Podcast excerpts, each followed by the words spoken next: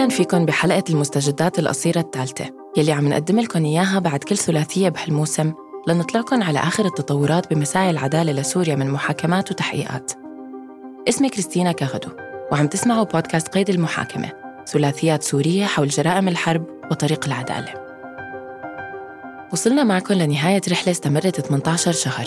من التفكير ببناء هوية البودكاست اختيار فريق العمل المتوزع بكل الكرة الأرضية مقابلات الضيوف والضيفات تسجيل أصواتهم كتابة النصوص وتحريرها والتحقق من المعلومات الواردة فيها وإنتاج الحلقات بشكلها النهائي لتكونوا قادرين وقادرات تسمعوها وتشاركوها ولتكون قادرة أن توثق هالفترة الزمنية اللي عم نشهدها ونأثر ونتأثر فيها.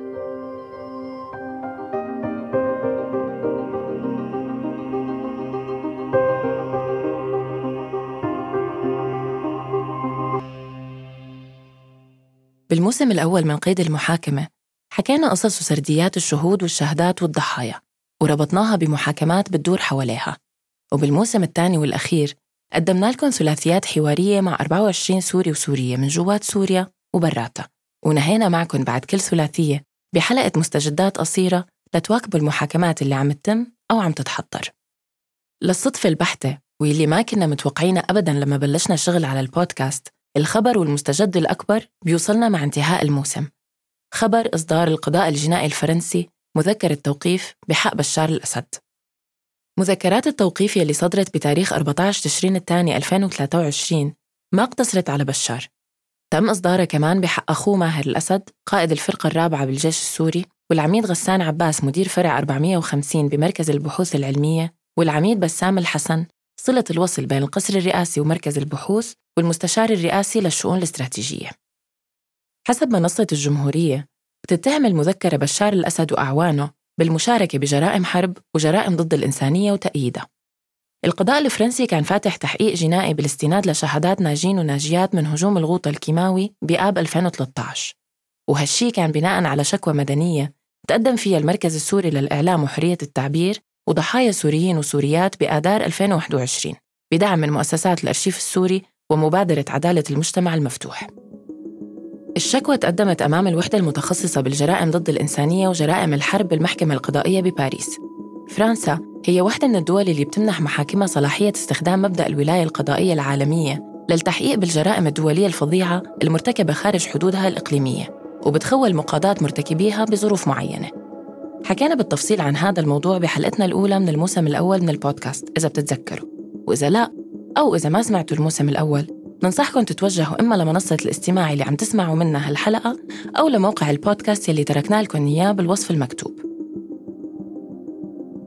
حسب مقطع من مقال منشور بتاريخ 15 تشرين الثاني على صفحة فرانس 24 بيقول مدير المركز السوري للإعلام وحرية التعبير مازن درويش ببيان موقع من المنظمات المدعية إنه مذكرات التوقيف هي بتشكل سابقة قضائية تاريخية ونصر جديد للضحايا وعائلاتهم وللناجين والناجيات.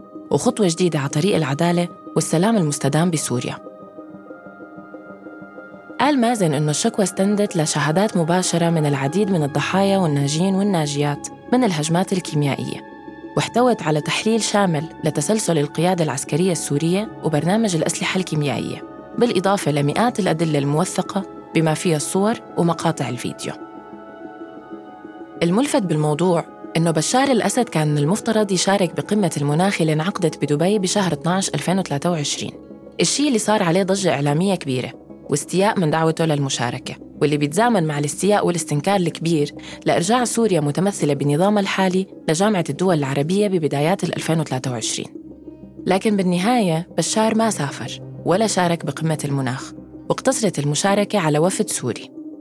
حسب خبراء امتناع بشار الأسد عن المشاركة بالقمة هو على الأغلب قرار مدروس وفي علاقة بينه وبين مذكرات الاعتقال اللي حكيت عنها هالشي بيعني إنه مذكرات التوقيف بالفعل لها تأثير سياسي ملموس ورح تحد من حرية حركة بشار الأسد بشكل كبير لأنه رح يضل خايف من إنه يتم القبض عليه. الشهور والسنوات الجاية رح تكشف لنا كتير وما بنعرف إذا رح يتم اعتقال بشار الأسد ومحاكمته أو لا. بس كوننا وصلنا لهالمرحلة يمكن محرز نقول إنه الدائرة عم تضيق على بشار الأسد وأعوانه ويبدو إنه فرص هروبهم المستمر عم تتقلص وهالشي ممكن يودي بيوم قريب لإيقاف ومحاكمة. مين بيعرف؟ الأيام والجهود يلي ما عم تنقطع من الضحايا والشهود والمؤسسات رح تقلنا.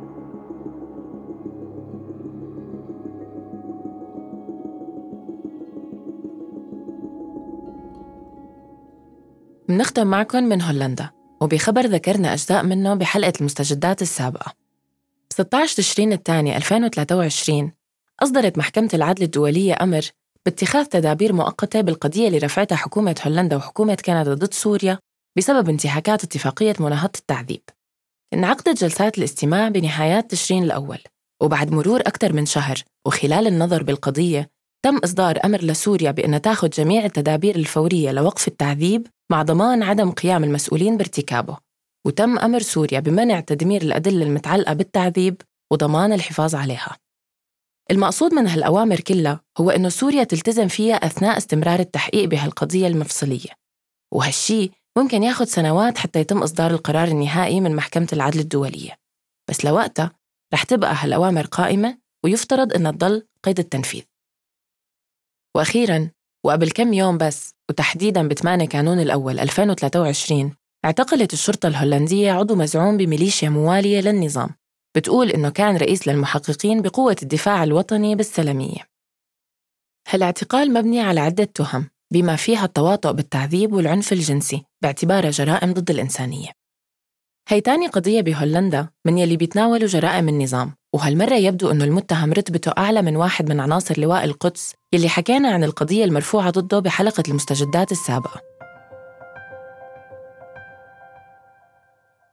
غير هيك هالتهم بتشمل العنف الجنسي باعتبارها جريمة ضد الإنسانية وهالشي رح يزيد من الأدلة اللي بتثبت ارتكاب النظام لجرائم جنسية واللي تم الكشف عن جزء منها بمحاكمات تانية مثل محاكمة الخطيب بكوبلنز ومحاكمة علاء ميم بفرانكفورت.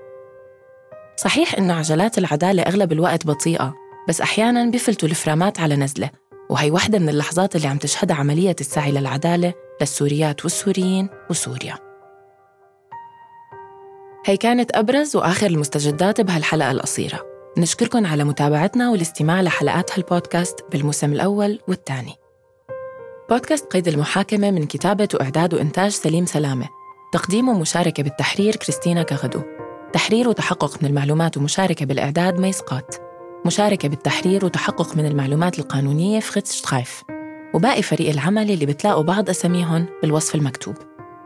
أنتج هالموسم بدعم من وزارة الخارجية الألمانية عبر معهد العلاقات الخارجية وبرنامج تمويل تيفيك.